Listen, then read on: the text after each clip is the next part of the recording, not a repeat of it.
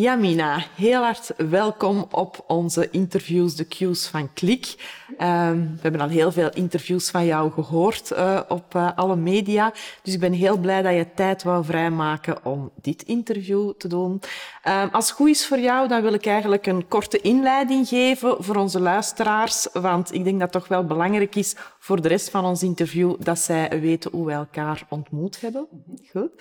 Uh, wij zijn al jaren vriendinnen, mag ik wel zeggen. Ik kan me niet meer herinneren hoe lang al. En eigenlijk is alles gestart uh, door het feit dat ik een VZW had en dat jij toen ook een VZW had. Daar hebben onze harten elkaar gevonden, mag ik wel zeggen. En zo zijn wij dus al jarenlang bevriend. Ondertussen uh, heb jij nu het Yamina Crossa Fonds, uh, wat ongelooflijk allee, uh, gekoppeld is aan het thema dat we vandaag gaan benaderen. Zoals je weet hebben wij een 3D-screening die we, uh, waar dat we verschillende topics aanhalen. En één van die topics is de giftcultuur. En daar wil ik het met jou over hebben. Ja, dus ik wil vragen, stel jezelf eventjes heel kort voor voor de luisteraars. Ja, ik ben dus Jamina Crossa, zoals je wel weet. Uh, ik heb dus in het verleden de VZ2 Benetit gehad, waar wij borstkankerpatiënten uh, die ja, ter preventie van borstkanker of na een amputatie een borstreconstructie wilden, hebben we eigenlijk ondersteund door geld voor hen in te zamelen.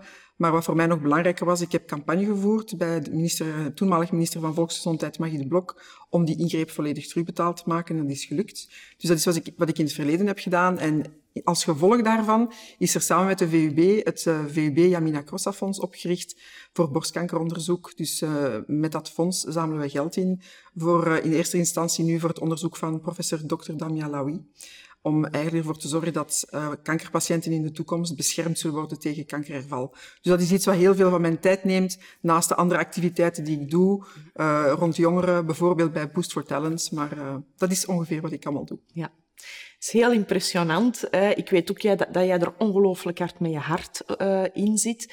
Nu, Uh, wij praten vooral over de giftcultuur binnen bedrijven, uiteraard ook de individuen, maar ik denk dat sommige mensen die echt doneren of op gelijk welke manier uh, een goed doel steunen, dat die dat uit zichzelf doen. Maar in bedrijven is het toch nog altijd een moeilijk thema aan een bod te brengen.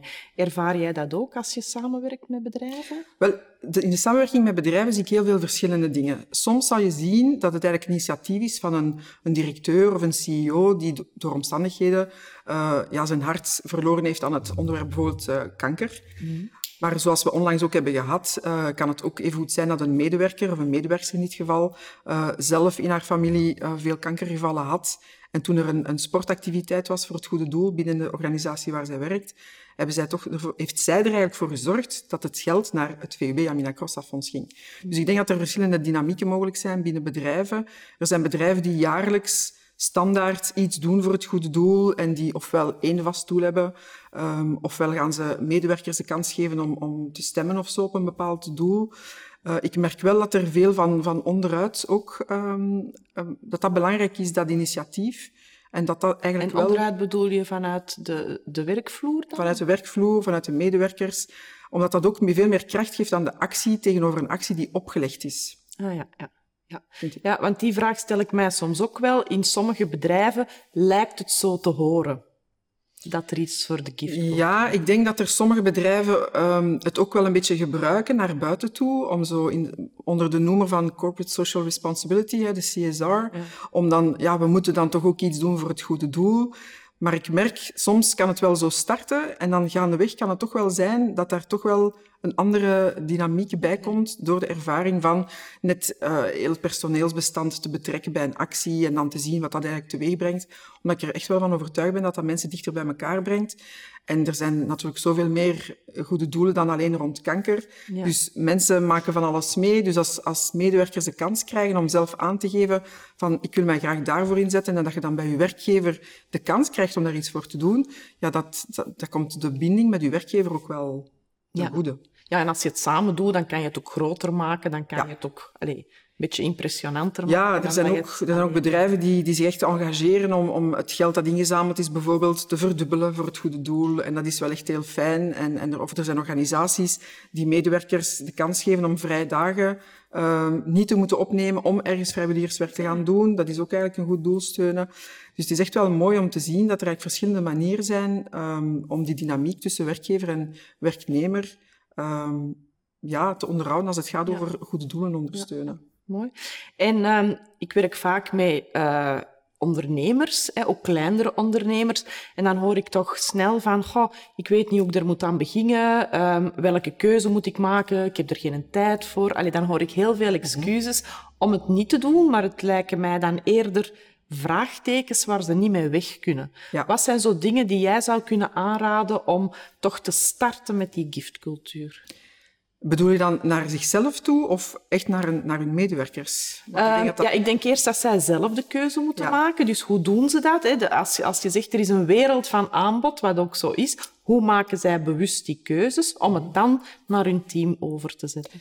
Wel, ik, ik zie twee verschillende dingen. Want er zijn, je, er zijn ook de ondernemers die alleen een zaak hebben, of samen met een vennoot bijvoorbeeld. Mm -hmm. um, en die soms ook zeggen, ik heb nu onlangs iemand gehad die mij gecontacteerd heeft en die zei, dus ook iemand die een zaak alleen heeft, en die zei van, ik wil eigenlijk in 2021 een bepaald percentage van een bepaalde activiteitstak die ik heb, uh, doneren aan het goede doel, maar ik ken daar niks van. Dus dan denk ik, ja, die persoon is nu bij mij terechtgekomen, omdat ik heel veel weet van de non-profit uh, wereld. Ja. Dus mensen kunnen mij daar altijd voor contacteren. Maar soms, het, is niet, het, het gaat niet altijd over uh, niet willen, of niet, niet kunnen, maar soms is het gewoon niet weten. Ja, en ik denk dat het dan in de eerste plaats, zowel voor ondernemers die alleen zijn, als voor bedrijven, om te gaan kijken van, wat ligt er dicht bij mijn hart of dicht bij het DNA van het bedrijf? Hmm. Dus bijvoorbeeld de ondernemer die mij had gecontacteerd, ik heb naar het gesprek aangegaan van wat vind je belangrijk, waar zou je graag aan bijdragen? En zo zijn we ertoe gekomen dat ze eigenlijk graag iets rond jongeren zou willen doen in België, maar dat ze daarnaast ook iets zou willen doen dat ondernemerschap promoot bij vrouwen in het buitenland. En zo heb ik voor haar twee doelen kunnen selecteren. Okay. Boost for Talents enerzijds, omdat ze dat zelf ook al had aangegeven, uh, maar anderzijds ook uh, Aid World bijvoorbeeld, een heel mooie organisatie in het buitenland. Dat zijn twee organisaties die zij zelf misschien niet zou hebben gevonden, maar toen ik haar die voorstelde, haar ogen lichten helemaal op en ze was zo content, ik kan geen ander woord gebruiken, dat ze zelfs zei van, nu ga ik echt mijn best doen om in 2021 nog meer van die business te verkopen, om nog meer van te kunnen doneren aan die twee doelen. Wauw, dat is wel een En dat vind ik heel mooi, ja. Ja, inderdaad. Dus uh, kunnen mensen dan bij jou terecht om hun goede doel te kiezen, als ik dat begrijp? Er zijn twee dingen. Enerzijds kunnen mensen bij mij terecht als ze zeggen van, ik wil iets steunen, maar ik weet niet hoe wat. Anderzijds wil ik ook graag alle goede doelen kennen. Dus mensen met organisaties, laat u kennen. Vooral de kleinere organisaties misschien, omdat ik steeds vaker hoor, zowel van bedrijven als van particulieren, dat zij steeds meer, um, ja, het, het uh, modewoord dat echt wel in is, is impact, impact hebben. Um, en mensen willen echt wel weten van wat er met hun geld gebeurt. En, en een van de adviezen die ik op dat moment dan geef is, er zijn heel veel mensen die mij zeggen bijvoorbeeld, ik steun per jaar vijf goede doelen. En ik geef aan elk doel 40 euro. Als je daar even over nadenkt, dan kun je bedenken dat een, een, een VZ2 die 40 euro krijgt, vooral het werk dat daarbij komt kijken, fiscale test dat je moet maken en opsturen, en de communicatie daar rond, ja, daar blijft niet zoveel over van die 40 nee. euro. Ik wil graag dat mensen zo gaan nadenken, en organisaties ook, van in plaats van dat te doen, misschien kun je één goed doel kiezen en daar echt goed over nadenken van waar wil ik echt mijn stempel kunnen drukken. En in plaats van vijf donaties, doe er één en doe er een van 200 euro. En dan ga je echt wel een verschil kunnen maken voor een VZ2. Ja. Dus het is echt, als ik jou hoor, dan is het echt heel bewust nadenken over welk goed doel kleeft het meest bij mij. En dan tegelijkertijd ook nog eens van hoe kan ik één specifiek of twee, afhankelijk ja. van de grootte van het bedrijf, kiezen om er echt mee aan de slag te gaan. Dat, ja. Die impact is dan veel groter. Absoluut. Ja, dat is zo. Oké, okay, wauw.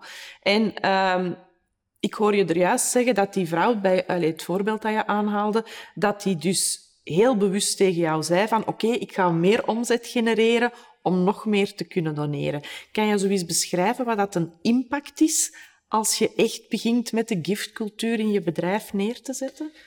Zoals ik daarnet al vertelde, de, de impact die in eerste instantie uh, gebeurt is als een medewerker een doel heeft aangehaald en iedereen zet zich daarvoor in. Ja, je kunt zo al raden wat dat, er gaat, wat gaat veroorzaken naar de band tussen de medewerkers. Als het bedrijf dat dan ook nog eens ondersteunt. Ik ben er echt van overtuigd dat dat de, de samenwerking en de, de betrokkenheid zelfs met de organisatie heel erg zal versterken. Een voorbeeld is, uh, bijvoorbeeld een case die ik ook in mijn boek Laat je netwerken heb aangebracht, is uh, Duvel Moordgat, waar uh, de zoon van een van de arbeiders een ongeval heeft gehad, waardoor dat hij verlamd was geraakt. En daar is er eigenlijk een, een inner crowdfunding, hè, dat is eigenlijk de term die ik heb bedacht tijdens Benetiet, opgestart, waarbij dat er eigenlijk in het eigen netwerk van die werknemer, dus bij Duvel Moordgat, een hele actie is opgezet, waar alle medewerkers hebben aan meegewerkt. Er zijn twee dagen lang allerhande activiteiten geweest, uh, Duvel Moordgat heeft dat gefaciliteerd op zijn bedrijven. Ik moet daar geen tekening bij maken. Ik krijg er zelfs nog kippenvel van als ik eraan denk. Wat dat betekent voor die, voor die werknemer, wiens zoon het was. Maar ook al die medewerkers samen, die hebben een fantastisch resultaat samen behaald. Die hebben een gigantisch bedrag uh, bijeengehaald voor dat gezin. Dat doet zoveel meer dan, dan een extra dag verlof zou geven of ja. opslag zou geven. Dit is echt iets van gecreëerd. Echt een community uh, binnen de organisatie en dat allemaal door zo'n gemeenschappelijk, een gemeenschappelijk doel te hebben. Ja, ja. ja, dus eigenlijk is het niet alleen je geeft aan de ander, ongeacht wat dat mm -hmm. aan de ander is, uh, maar ook van het versterkt je team enorm. Ja. Je, je, hebt een gemeenschappelijk belang, je hebt een gemeenschappelijk doel los van het werk ja. in dit geval. Ja, het, uiteraard, als er iemand van het team ondersteund wordt, dat is natuurlijk een surplus, maar dat kan even goed zijn voor een ander bedrijf. Mm -hmm. Maar het versterkt wel de kracht van het team. Ja. Dus dat is ook een reden waarom ja, je daarom, daarom zal je ook vaak zien dat bedrijven zullen kiezen, in plaats van gewoon een cheque te geven aan een bedrijf, om daar eerst een activiteit rond te doen. Ja. Via Give a Day bijvoorbeeld kunnen teams uh, ergens bij een goed doel, ik zeg maar iets, een, een eetzaal gaan schilderen of zo. Uh, en dan heb je een gemeenschappelijke activiteit die je samen gedaan hebt. Je hebt dat samen begonnen, je hebt dat samen afgerond. Daarna komt er een bezoek bijvoorbeeld in dat huis waar die kinderen wonen. Dat is iets dat heel erg, ja, die dynamiek is heel ja, verstrengelend, ja. zeg maar.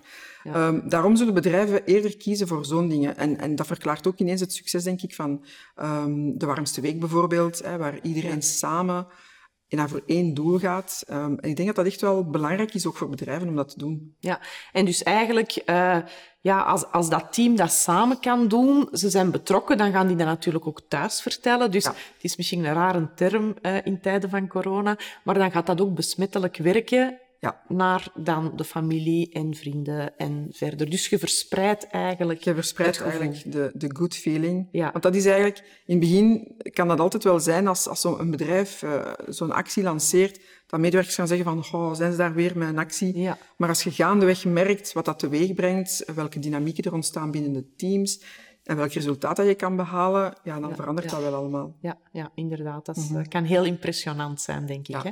Nu, jij bent echt expert, hè, want je hebt al zoveel mensen geholpen. Je hebt het zelf in de levende lijven neergezet. Mm -hmm. Dus dat is echt wel knap.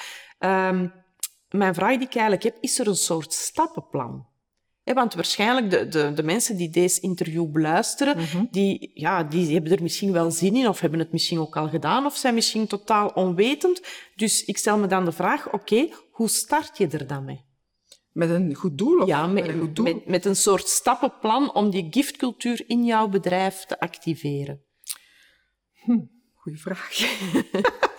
goeie vraag. Uh, ik denk dat, zoals Simon Sinek zegt, dat wat altijd belangrijk is in de eerste instantie, is beginnen met why. Ja. Waarom doe je het? En ik denk dat het alleen maar kan werken als uw intentie goed is. Als het enkel gaat over, we willen scoren bij de, bij de mensen buiten om te laten zien van, hey, kijk, zie wat wij geven aan die of die dat gaat nooit een lang leven beschoren zijn in de organisatie. Als je echt kijkt van, we willen dat echt doen omdat een medewerker iets heeft meegemaakt, of omdat een medewerker dat heeft aangebracht, of omdat dat samengestemd is.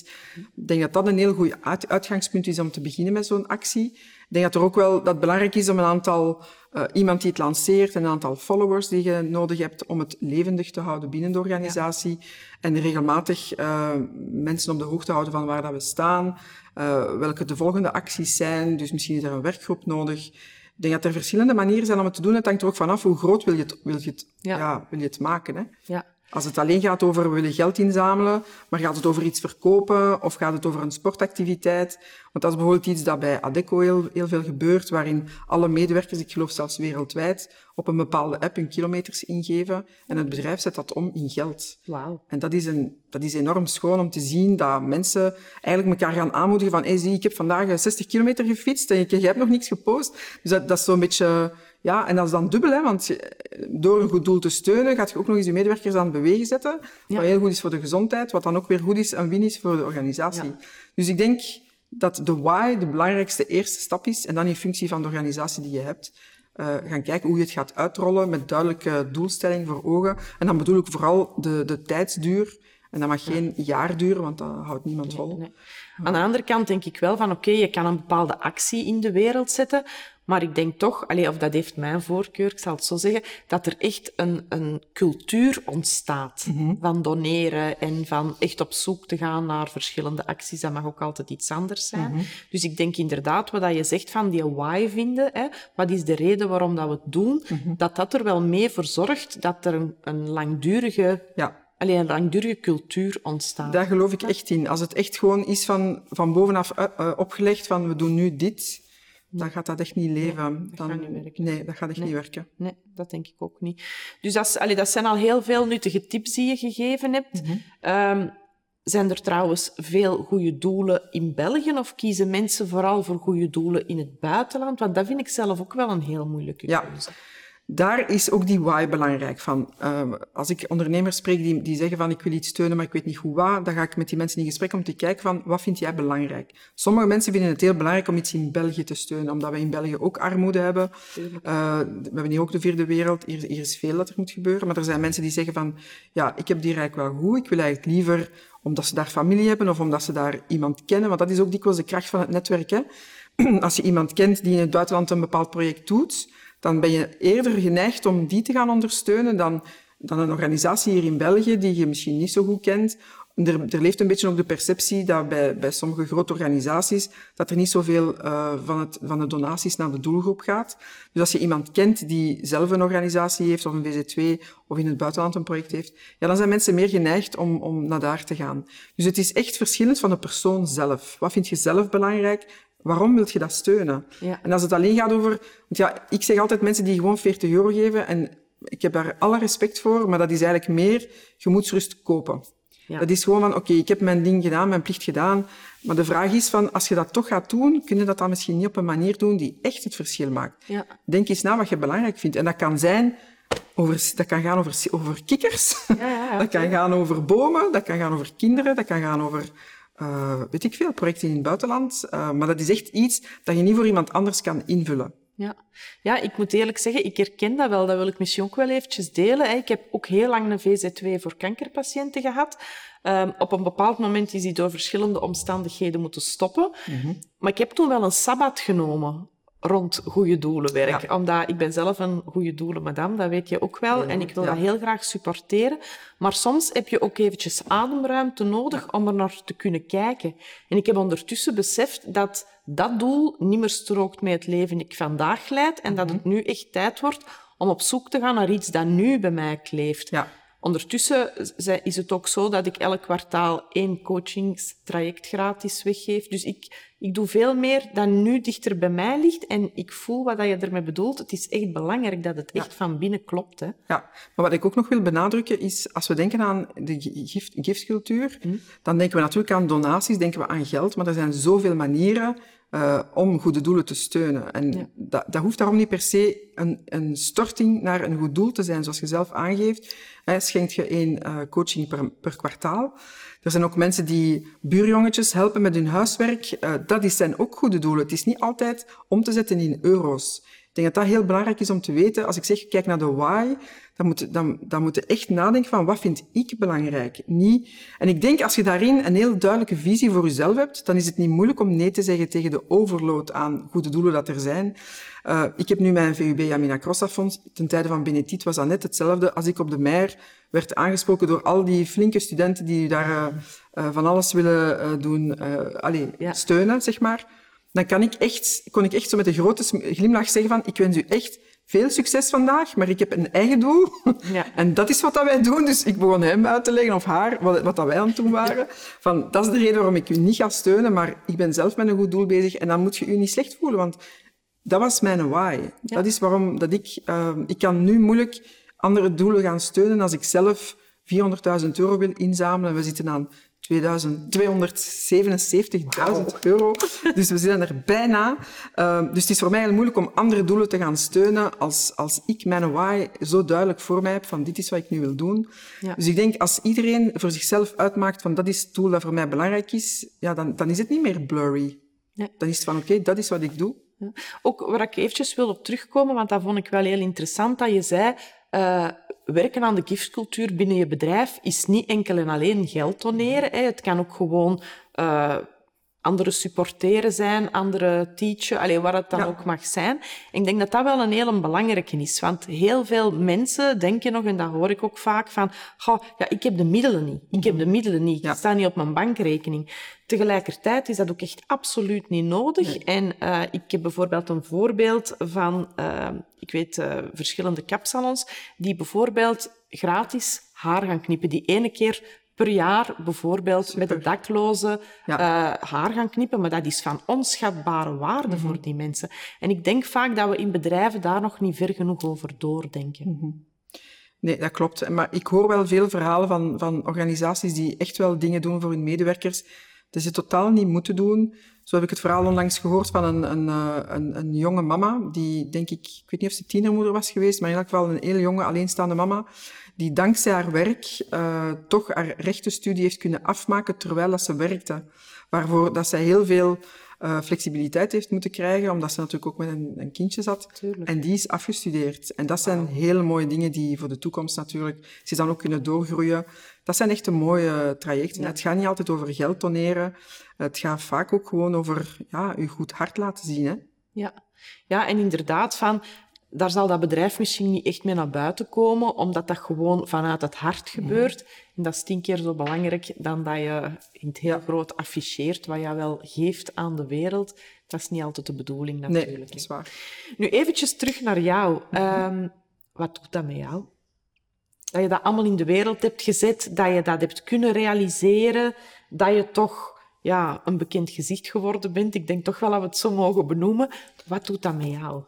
Wel, ik moet zeggen, ten tijde van de VZ2 Benetiet um, was ik daar totaal niet mee bezig. Ik was zodanig met mijn why verstrengeld, dat ik had maar één doel voor ogen en dat ik bleef gewoon gaan. En ik moet eerlijk zeggen, want Benetiet is sinds 2018 of 2017 stopgezet, dat het eigenlijk pas de laatste twee jaar is dat ik echt begin te beseffen van, wow, dat is echt wel niet niks wat ik heb gedaan. Ook omdat ik regelmatig, allez, regelmatig ja, af en toe krijg zowel berichten via Facebook Messenger of Instagram van, van dames die hun ingreep net hebben ondergaan en mij dan laten weten van, ja Mina, ik heb de factuur gezien, dat was 9000 euro en ik heb niks moeten betalen. Zo van die verhalen. Ik vind dat, ik krijg daar nog altijd kippenvel van als ik dat hoor. En dat dat het rechtstreeks gevolg is van de inspanningen die ik heb gedaan, samen met andere spelers natuurlijk. Ja, daar ben ik heel trots op. Hè. Maar ik ben eigenlijk nooit bezig geweest van, zie wat ik aan het doen ben. Nee, omdat je zodanig, ah, ik was zodanig in de actie, in een soort van flow. Ja dat het eigenlijk, ja, ik stond er niet bij stil um, en ik deed gewoon. Ja. En nu eigenlijk met het VUB Amina Crossa Fonds ben ik, ben ik heel trots eigenlijk dat ik mijn ervaring en mijn netwerk eigenlijk kan, kan inzetten om, om dat doel te bereiken, omdat dat onderzoek zo belangrijk is voor toekomstige kankerpatiënten. Voor mij zal dat niet veel doen, maar wel voor toekomstige kankerpatiënten. Ik heb daar alle vertrouwen in. En het gevoel van zelfs maar een klein stukje te hebben kunnen helpen in die richting, als er binnen 10, 15 jaar echt dat vaccin komt, ja, daar kan ik echt zo gelukkig van worden. Omdat, ik herinner mij, toen ik pas had aangekondigd dat de, het fonds werd uh, gelanceerd, kreeg ik via Instagram een, een, een, dame uit Nederland die mij, die mij feliciteerde met de opening en dit en dat. Uh, maar ze zei ook van, ja Mina, ik begrijp niet, waarom heb je een doel gekozen of een onderzoek dat u niet gaat kunnen helpen? En, en ik dacht van, wat een rare vraag. En ik was dat met mijn zoon aan het bespreken, mijn jongste zoon. En die zei van, ja mama, dat is zoals een filosoof zegt, hè, van iemand die bomen plant, doet dat in de wetenschap, dat hij niet in de schaduw gaat staan van die boom. En dat is hetgeen dat dat echt beschrijft voor mij. Het gaat niet over mij. Het gaat erom van, dit is wat er nodig is, dus ja. dat wil ik doen, omdat dat dicht bij mijn hart is, letterlijk ook en figuurlijk. Dus ja, dat is gewoon gaan. Dus ik ben heel trots op wat dat we doen, maar ik zie mijzelf niet als de center of it all. Ik, ik, eh, ik ben echt een... Jij weet dat ook, hè, we kennen elkaar al zo lang. Mijn, mijn persoonlijke baseline, maar eigenlijk moet dat van iedereen zijn, is, is hashtag de kracht van het netwerk. Um, en dat vind ik zo belangrijk in, in alles wat je doet, maar zeker ook in fondsenwerving. Um, het is een, het resultaat van een, een, een activiteit door veel mensen. Ja. De steun van veel mensen en ook dankzij u dat wij zo'n mooi bedrag al zo ver zijn gekomen. Dus uh, dank je wel. Graag gedaan. Goed, onze tijd zit er weer al op. Hè? Het vliegt voorbij. Um, mag je dan eigenlijk concluderen, om het zo eventjes in één grote wrap-up te zetten, dat wanneer je echt jezelf in de giftcultuur smijt, dat je ongelooflijk veel terugkrijgt qua dankbaarheid, emoties, gevoel, dat je jezelf er ook mee kan voeden? Ja, en het straffen is eigenlijk, wat ik daar nog wil aan toevoegen, is dat dat inderdaad klopt, maar dat in de oorsprong, als je begint met een zo'n actie en een goed doel, dan denk je daar eigenlijk niet over na. Je denkt eigenlijk van, oh, ik wil dat doel graag steunen. En waar je soms niet bij stilstaat, is hoeveel dat je ervan gaat terugkrijgen.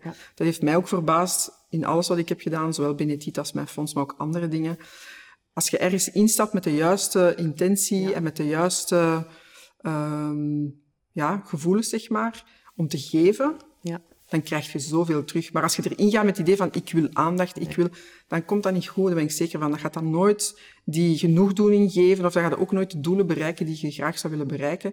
Als je het vanuit de juiste intentie doet, dan gaat je ja, een tsunami aan gevoelens hebben die je niet kunt voorspellen op voorhand. Mooi. Hmm. Goed, Jamina, wij blijven in elk geval doen wat we al lang gedaan hebben. Ik wil jou ongelooflijk uh, hartelijk bedanken. Uh, ik wil ook aan de luisteraars zeggen, of aan de kijkers, van uh, hou jullie niet in om het Jamina Crossa Fonds te steunen. Het is ook voor de volgende generatie mhm. belangrijk. En wij zien elkaar gauw terug. Dankjewel.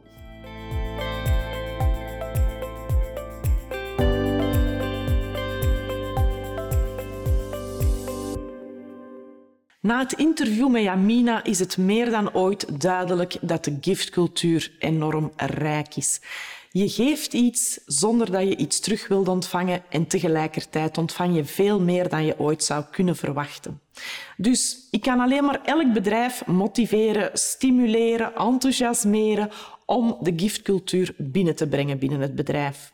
Hoe doe je dat? Heel eenvoudig. Je denkt na over de why, wat wil je net steunen of welk bedrijf wil je steunen, welke VZW? Hoe kan je daar je team in betrekken en wat is het stappenplan dat je daarvoor nodig hebt? Nu, jullie kunnen altijd bij Jamina terecht. Zij heeft daar ondertussen ook een bedrijf voor opgestart. Uh, we zullen zeker de link uh, posten. Maar ik kan het alleen maar motiveren en stimuleren. En het is ook ongelooflijk dankbaar voor jullie team. Dus ik zou zeggen, aarzel niet en zet je in voor de giftcultuur in jouw bedrijf. Super fijn dat je luisterde naar de cues van Klik. We hopen dat je iets hebt bijgeleerd en dat je het kan toepassen in jouw dagelijks leven. Vertel het gerust verder, subscribe op ons YouTube-kanaal en volg ons op social media.